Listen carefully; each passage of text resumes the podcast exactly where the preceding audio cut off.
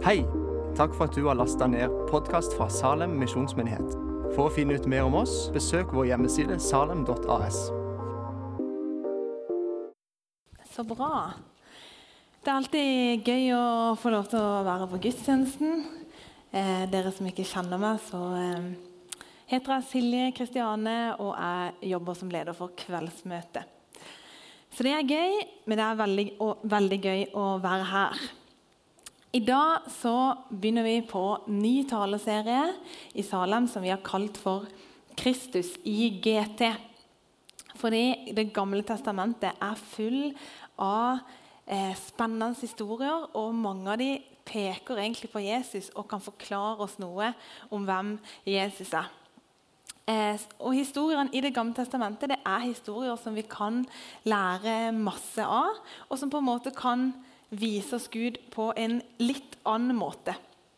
Så eh, ja, for det, Bibelen er jo en lang, sammenhengende bok. Alt henger sammen. og Hvis man leser Bibelen fra begynnelse til slutt, så vil man få en mye dypere og bredere forståelse av hva det handler om. Så Det er spennende.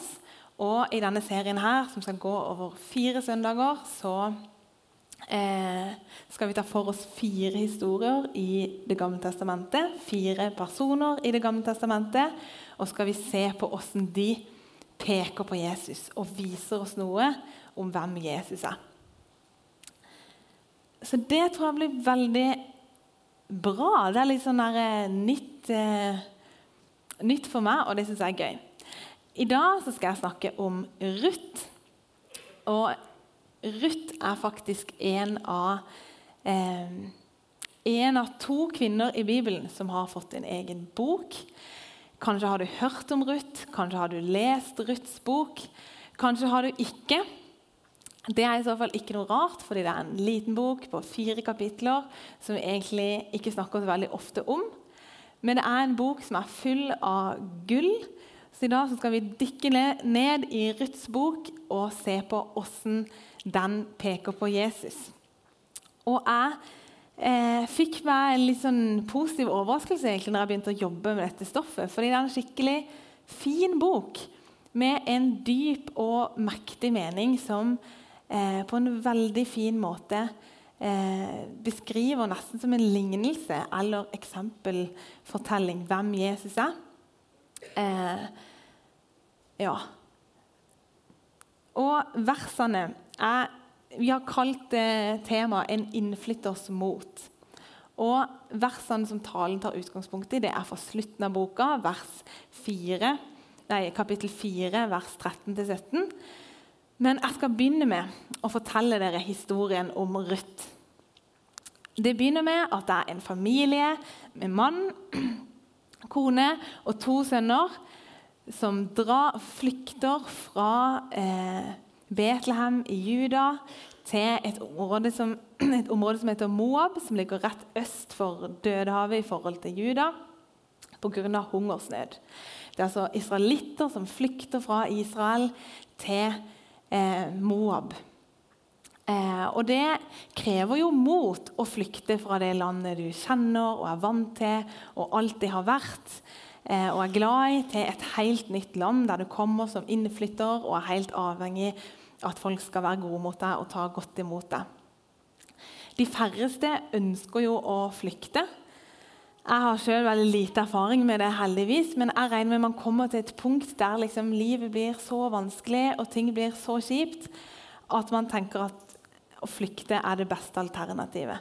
Og så tenker man at hvis man kommer til et sted som er litt bedre, så vil kanskje livet bli litt enklere og litt bedre.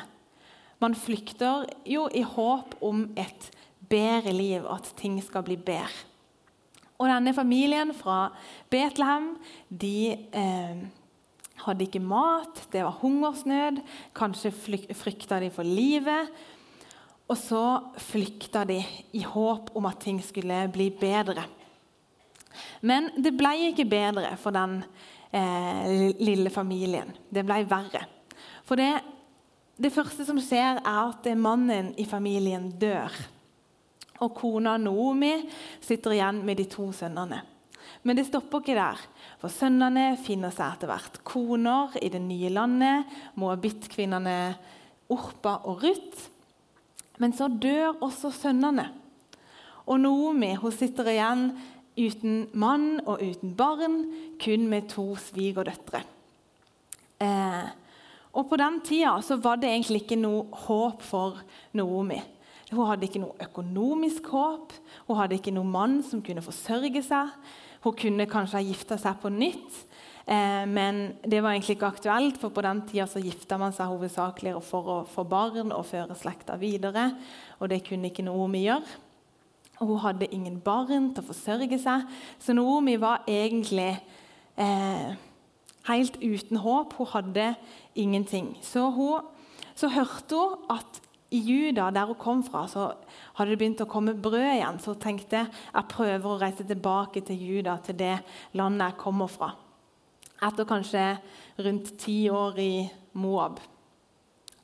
Så hun begynner, eh, dra, begynner å reise hjem til Juda, og svigerdøtrene følger etter henne. Men så sier hun til svigerdøtrene ikke følg etter meg. Bli, eh, bli igjen her i Moab. Det, jo, det, var jo der de hadde alt sitt. De hadde sin familie, sin velstand. De hadde mulighet for å gifte seg på nytt, få en ny mann og et nytt liv. Eh, der hadde de liksom mulighet for velstand og for en ny start. Mens med Naomi så hadde de hun hadde ingenting å kunne gi dem. Hun hadde ikke noen sønner de kunne gifte seg med. Hvis de ble med henne, så kom de til å komme som innflyttere i et nytt land. Eh, ja, og Det var liksom ikke noe godt hun hadde å tilby dem. Det var mye bedre for dem å bli igjen der de var. Så hun ene svigerdattera, Orpa, hun tenker det er veldig godt poeng. Hun lar seg overbevise av Ruth, og så tar hun farvel med henne og blir eh, igjen i Moab. Og så, eh, men Ruth hun sier Nei, jeg vil ikke eh, skille meg fra deg. Hun klynger seg til, Ruth, nei, klynger seg til Naomi og blir med henne tilbake til Betlehem. Så vel framme i Betlehem så foreslår Ruth for Naomi at eh, hun skal gå ut og sanke aks. Det var en regel som sa at eh, hvis du var landeier, så hadde du ikke lov til å liksom, eh, høste hele åkeren din. Du måtte la noe på kantene være igjen til som de fattige kunne høste. Og Det var det Ruth tenkte hun skulle gjøre. Men siden hun var eh, moabit, så var hun egentlig i fare bare gikk ut i offentligheten fordi det var en liksom dårlig relasjon mellom israelitter og moabitter. Så hun, risikerte, egentlig å miste liv, og sånn, men jeg regner ikke med de hadde så mange alternativer. Så Ruth eh, gikk ut hun kom på en åker eh, til en mann som eh, heter Boas. Og Boas han ser ut Han vet at hun er Noomis svigerdatter. Og han ser den faren hun er i, at eh, hun kan bli skada eller voldtatt eller drept. Så han sier til henne ikke gå på noen annen åker. Bli her på min åker. Eh, så skal du være trygg her. Og Han ville ikke heller at hun skulle eh, sanke ut mot kantene, for han var redd for at de fattige skulle røre henne. Så gå og sank med mine arbeidskvinner og ta med deg hjem alt du høster, sier han. Og Så gir han henne mat, og så sier han til sine menn at eh, ikke rør henne. Og så ber han dem til og med om å eh, legge igjen litt sånn aks til Ruth, sånn at hun eh, kan sanke. Så hun sanker masse, eh, tar med seg hjem, til Noomi. Og Noomi blir overraska bare. 'Hvem er det du har vært hos som har vært så god mot deg?' Eh, og så sier eh, Ruth at hun har vært på åkeren til Boas. Og når Ruth, når Ruth forteller det, så sier Noomi den mannen er i slekt med oss. Han er en av våre løsningsmenn. Når Israel inntok det lovede landet, så ble jo landet delt mellom alle stammene og alle familiene. Men Gud visste at eh, det kom til å bli litt sånn skeivt fordelt etter hvert. Man kommer til å ta land fra hverandre og sånn. Så for å hindre at det skulle bli så store forskjeller mellom fattig og rik, så ga Gud dem noen lover. Den ene loven sa at hvert 50. år så skulle alt land gå tilbake til den familien som det opprinnelig tilhørte. Da ville jo noen ha blitt litt rikere, noen ville blitt litt fattigere. Men hvert 50 år så skulle det liksom nullstilles. Eh, da skulle alt tilbake til de det opprinnelig tilhørte, og det ble kalt frigivelsesåret. Men så var det òg en annen lov som sa at før det skjedde, så eh, kunne land en familie hadde mista, bli kjøpt tilbake av en løsningsmann. Landet kunne bli gjenløst, altså det kunne komme tilbake til familien det opprinnelig tilhørte. Men det måtte være et familiemedlem av familien som hadde mista det, som kjøpte det tilbake til dem. Og Det var en måte for Gud å liksom vise omtanke for familier på. Så når Noomi finner ut at det er Boas som har vært god mot Ruth, så blir hun glad, fordi han er i familie med dem. Og hvis han vil, så kan han kjøpe landet de sitt tilbake til dem. Eh, han kan kjøpe det for sine egne penger og gi det til dem. Og det hadde vært veldig bra, men det er jo også en litt kortvarig løsning. Fordi de har jo ingen arvinger som landet kan gå videre til. Så det fantes også en annen lov som sa at eh, hvis en kvinne var barnløs, enke og barnløs, så skulle svogeren gifte seg med henne og gjenløse henne. Og barna han fikk med henne, skulle være hos sin avdøde manns arvinger. Og Sånn kunne den familien bli gjenløst og få en arving. Så for at Boas skulle gjenløse Noomi, så måtte han ikke bare kjøpe landet de sitt for sine egne penger tilbake til de. Han måtte òg gifte seg med Ruth og gi familien en arving. Og Det er ganske mye å be noen om. Eh, jeg syns det er flaut å be noen om å kjøre meg hjem. liksom. Og her på en måte snakker vi Hei, vil du kjøpe hele eiendommen min, gifte deg med meg og gi meg en arving? Det er litt heavy forespørsel, men det gir Noomi og Ruth et håp. Fordi de sitt eneste håp er egentlig at noen vil gjenløse dem. Um, så de legger en plan. Og Hvis jeg skulle kommet med den forespørselen til noen, så tror jeg kanskje jeg ville valgt en litt annen måte å legge det fram på. Men her er i hvert fall det som skjer. Ruth hun går inn til Boas etter han har lagt seg på soverommet. Og Så tar hun eh, kappene sine fra føttene hans sine, og så legger hun seg ned langs føttene hans. sine.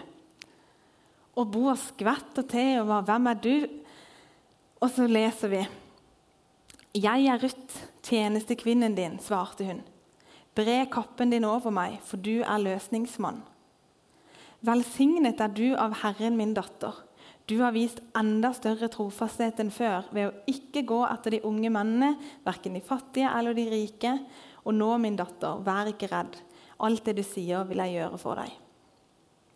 Når Ruth spør han om å bre kappa over henne, så er det egentlig det samme som å spørre han om han vil gifte seg med henne. Gift deg med meg, gjenløs familien min. Gi oss tilbake landet, gi oss tilbake et navn.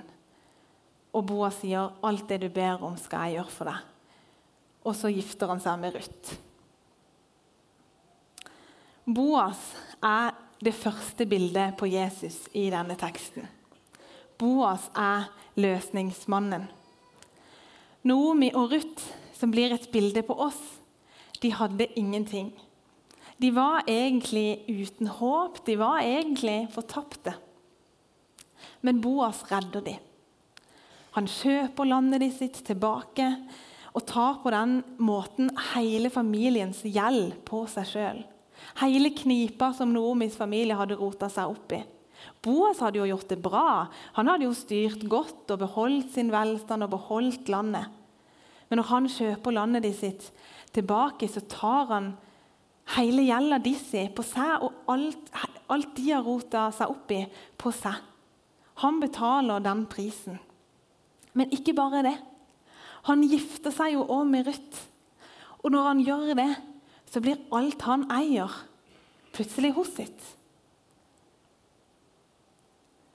All hans rikdom som hun ikke har jobba noen ting for, som hun ikke fortjener, blir plutselig hos sitt. Automatisk. Hun får et nytt liv fra å ikke ha noen ting, ingen framtid, ingen håp så har hun, fordi Boas velger å løse henne ut, plutselig alt. Gjelda er betalt, hun har land, hun har familie, hun har et navn, hun har rikdom. Boas redda henne. Han var gjenløseren. Historien om hvordan Boas løser ut Ruth, er et bilde på hvordan Jesus har løst ut oss. Men denne boka heter ikke Boas. Han heter Ruth. For Ruth er faktisk den største gjenløseren i denne boka. Jeg skal lese versene som er utgangspunkt for denne talen, kapittel 4, 13-17. Boas tok Ruth hjem til seg, og hun ble hans kone. Da han kom sammen med henne, lot Herren henne bli med barn, og hun fødte en sønn. Da sa kvinnene til Noomi, velsignet er Herren som lot deg få en løsningsmann i dag.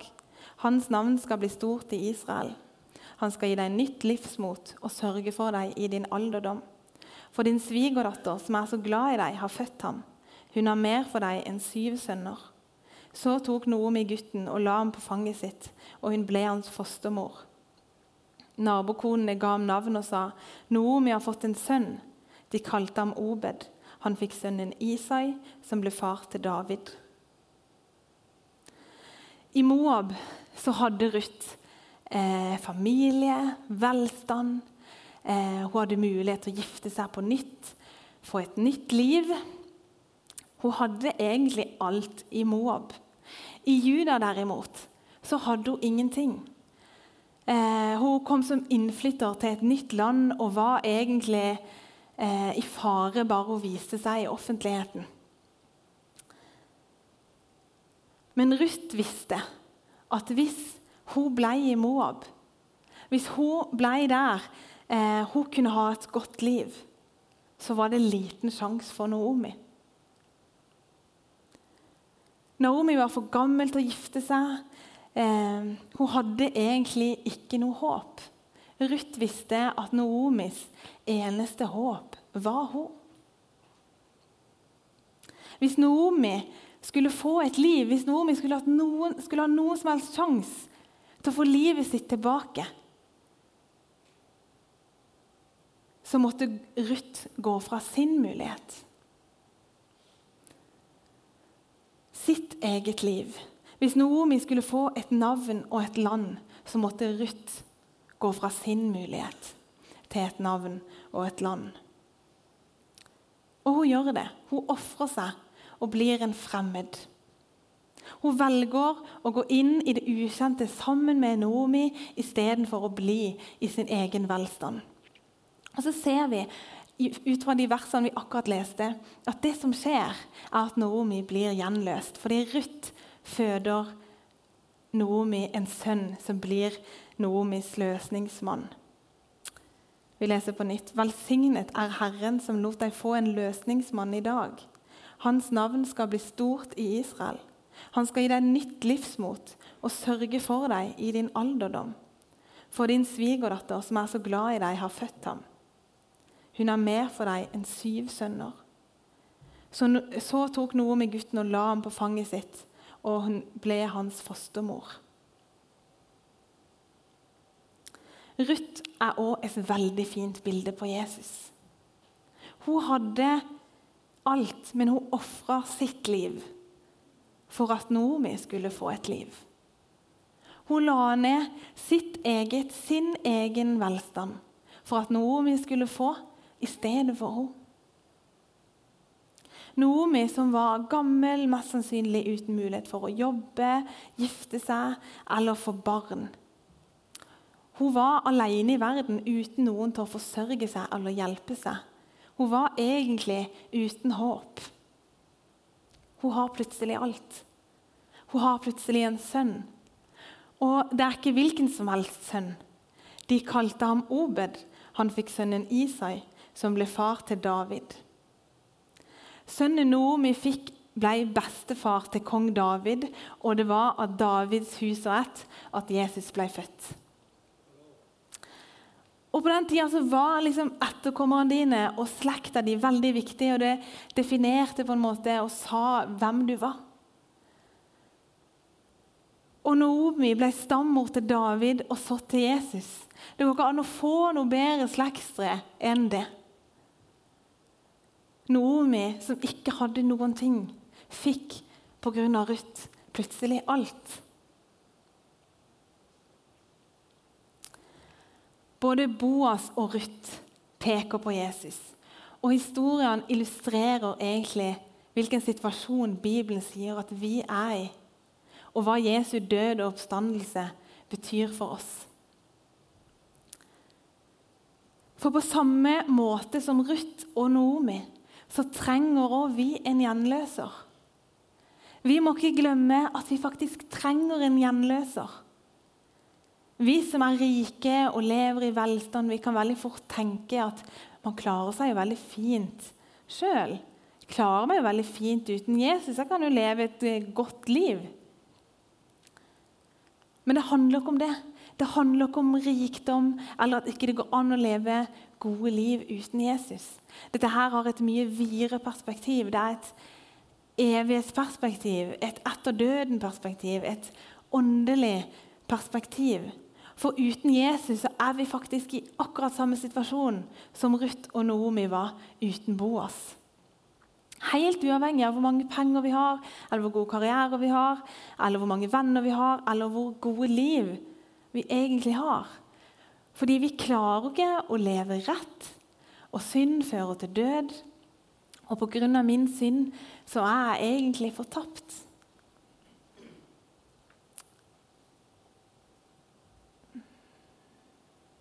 Jeg har tabba meg ut. Og hvis jeg leser i Bibelen hva som er Guds standard, og hva som skal til for at jeg sjøl skal fortjene fellesskap med Han og et evig liv, så skjønner jeg at jeg har ikke sjans i meg sjøl. Jeg har akkurat like lite håp som Ruth og Noomi hadde. Akkurat som Ruth og Noomi så er jeg helt avhengig av at noen skal løse meg ut. Redde meg. Hvis ikke går jeg fortapt. Jeg kommer ikke til himmelen når jeg dør. Vi må ikke glemme at vi faktisk trenger en gjenløser. På samme måte som Ruth og Noomi så kommer ikke vi oss heller ut av knipa uten en gjenløser.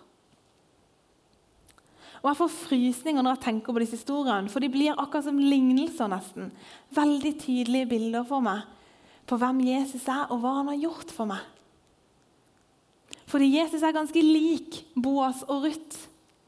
Som Ruth så forlot han sin far i herligheten der han hadde alt og han ofra sitt liv for at jeg skulle få liv.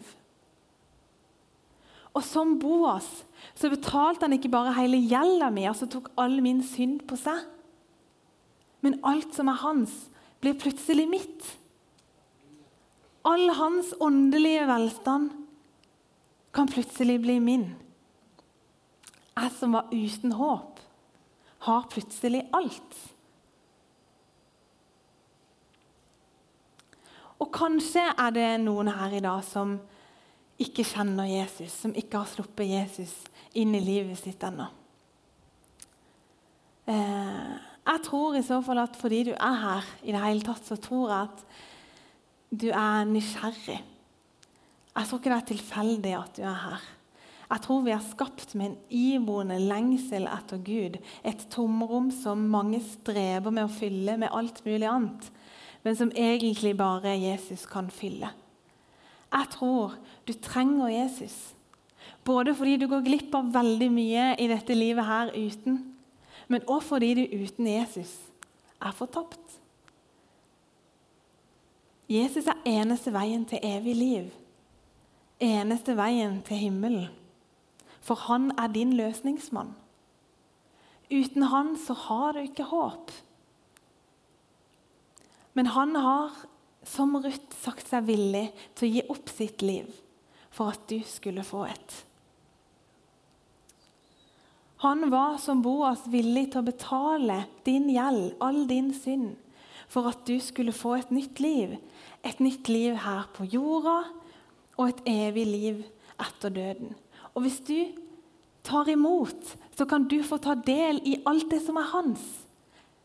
Til og med kraften som reiste han opp fra de døde, kan bo i deg.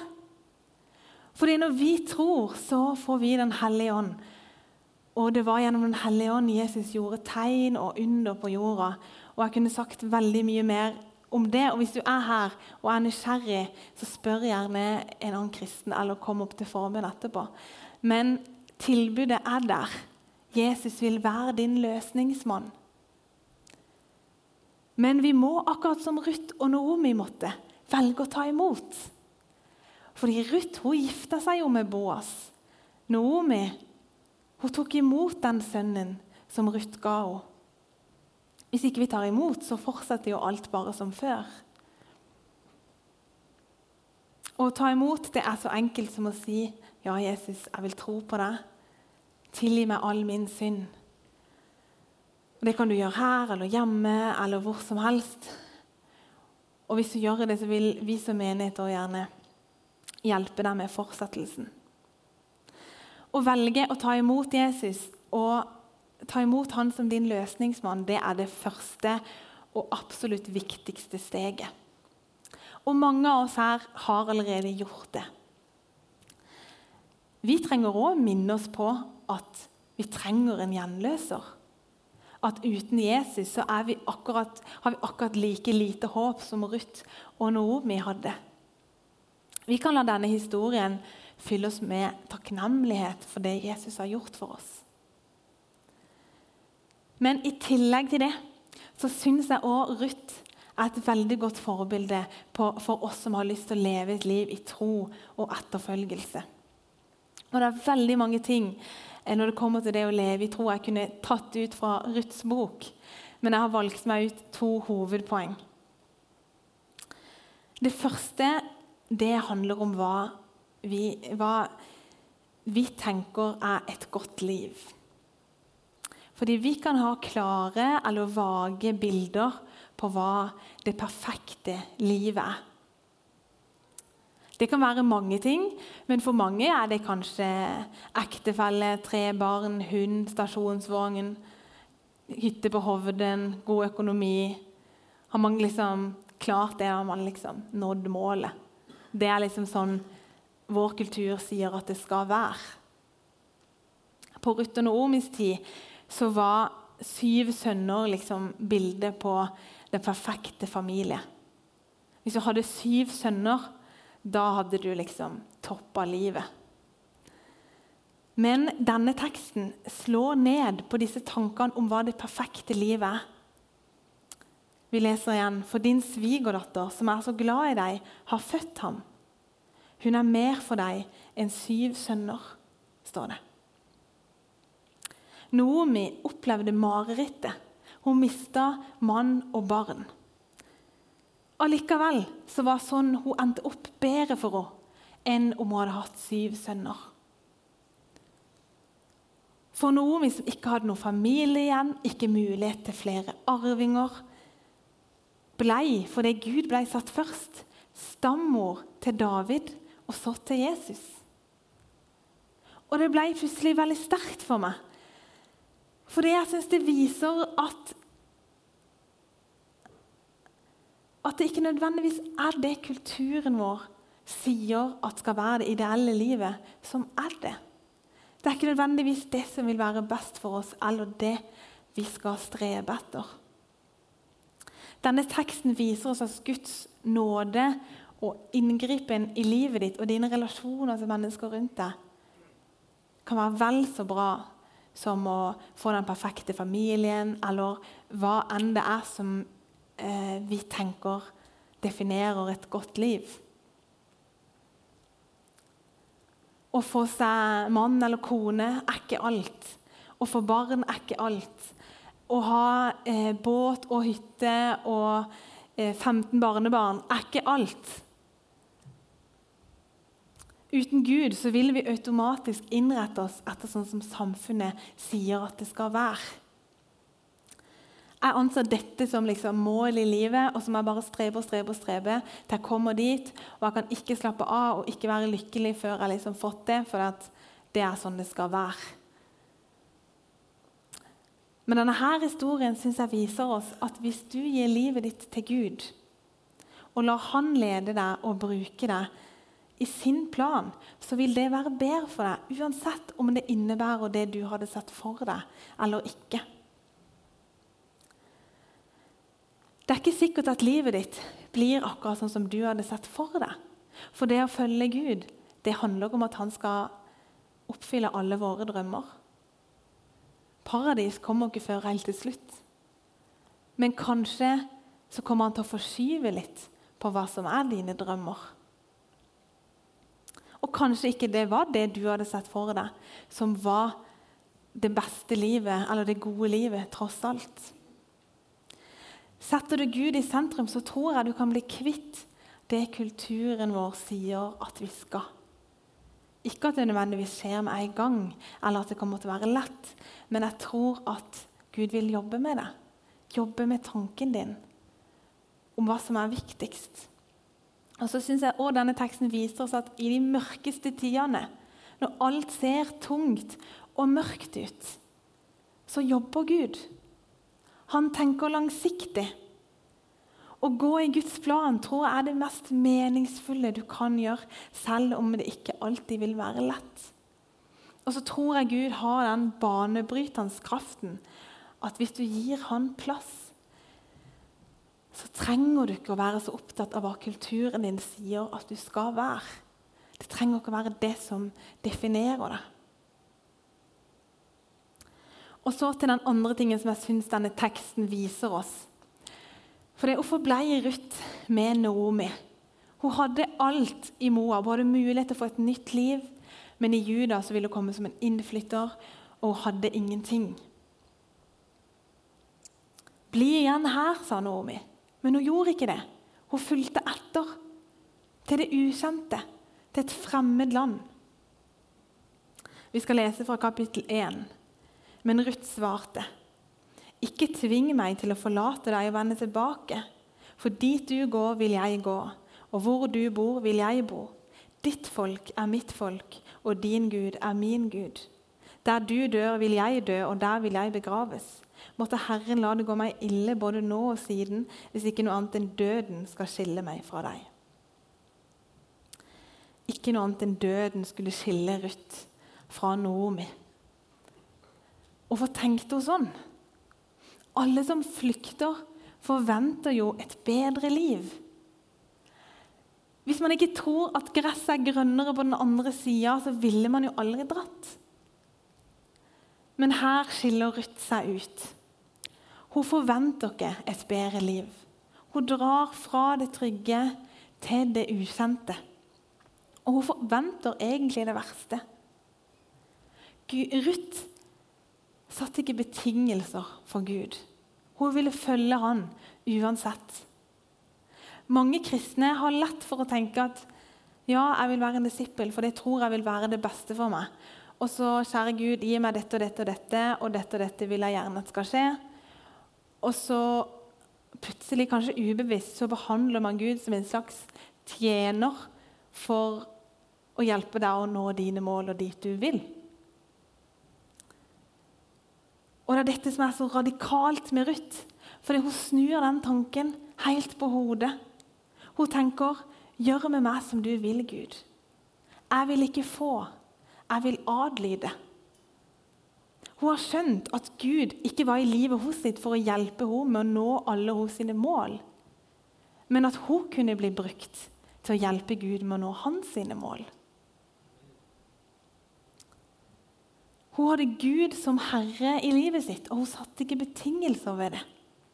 Hun forventa ikke et godt liv, men hun gikk for det allikevel. For hun sjøl var ikke herre i livet sitt. Hun var ikke den viktigste. Gud var. Og jeg tror det er dette her disippelskap handler om.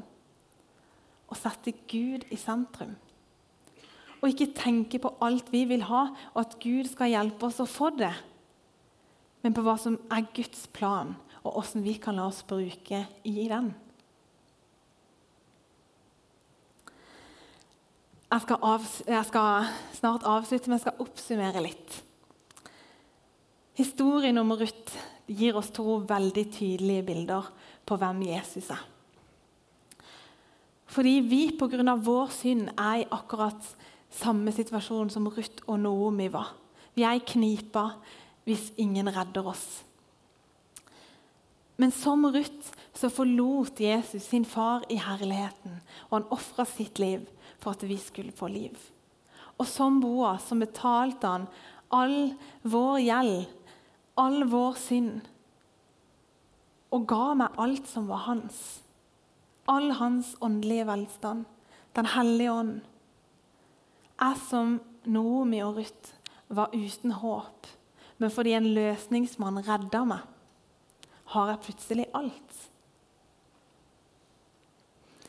Og I tillegg til disse to sterke bildene på Jesus så viser Ruths bok oss og noen forbilledlige ting når det kommer til det å leve i tro. Og Jeg kunne sagt masse fra denne boka og hadde masse punkter som jeg måtte stryke én etter én. Eh, jeg valgte å ta fram to hovedpunkter. Eh, og For det første så slår denne teksten ned på vår kulturs tanker om hva det perfekte livet er.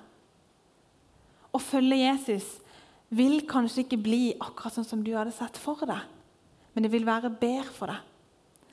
For det andre så viser Ruth oss at fordi hun satte, at hun satte Gud foran seg sjøl I stedet for å tenke på alt vi vil ha, og at Gud skal hjelpe oss å få det, så tenker hun på hvordan hun kan tjene og bli brukt i hans plan. Det vi kan lære av denne boka, er ikke at hvis du gir livet ditt til Gud og stoler på Han, så vil du få alt du drømmer om. Budskapet er at hvis du velger å stole på Gud og sette Han som herre i livet ditt, og si 'gjør med meg som du ønsker, Gud', så vil Gud gi livet ditt tilbake. Det vil ikke bli det samme som du hadde tenkt, men det vil bli sånn som Gud hadde tenkt. Og det er godt for oss. Hvis du er villig til å gi livet ditt til han sånn som Ruth gjorde, sånn som Noomi gjorde, så vil han gi det tilbake. Ved å stole på Gud så fikk Ruth og Noomi både velstand og barn, selv om det virka helt umulig. Og det var bedre for dem enn syv sønner, enn det kulturen de syntes var perfekt. Hvis jeg gir opp min definisjon av bra, så vil Gud gi meg en enda bedre en. Denne boka sier oss mange ting, men mest av alt så er det et budskap om nåde. For Noomi, som ikke hadde noe, fikk en sønn. Kjære Gud, jeg takker deg for det. Jeg takker deg for at du vil være vår løsningsmann. Jeg takker deg for at vi som egentlig er uten håp i oss sjøl, at vi er så utrolig privilegerte å ha en løsningsmann. At du var villig til å gi ditt liv for oss, Jesus. At du var villig til å ta vår gjeld på deg og få oss ut av knipa. Jeg takker deg for det, Jesus. Og jeg bare ber om at du skal fylle oss med en sånn takknemlighet for det. Jeg ber om at du skal vise oss enda tydeligere i dag hvem du er. Og så ber jeg Gud om at du skal hjelpe oss å knuse de kulturelle barrierene, og sånn som kulturen og samfunnet vårt sier at livet vårt skal være. Hjelp oss, Gud, å bare legge ned oss sjøl og gi deg plassen, gi deg førersetet. Gud, det trenger vi hjelp til. Jeg ber om at du skal lede oss og hjelpe oss å leve som dine disipler, Jesus.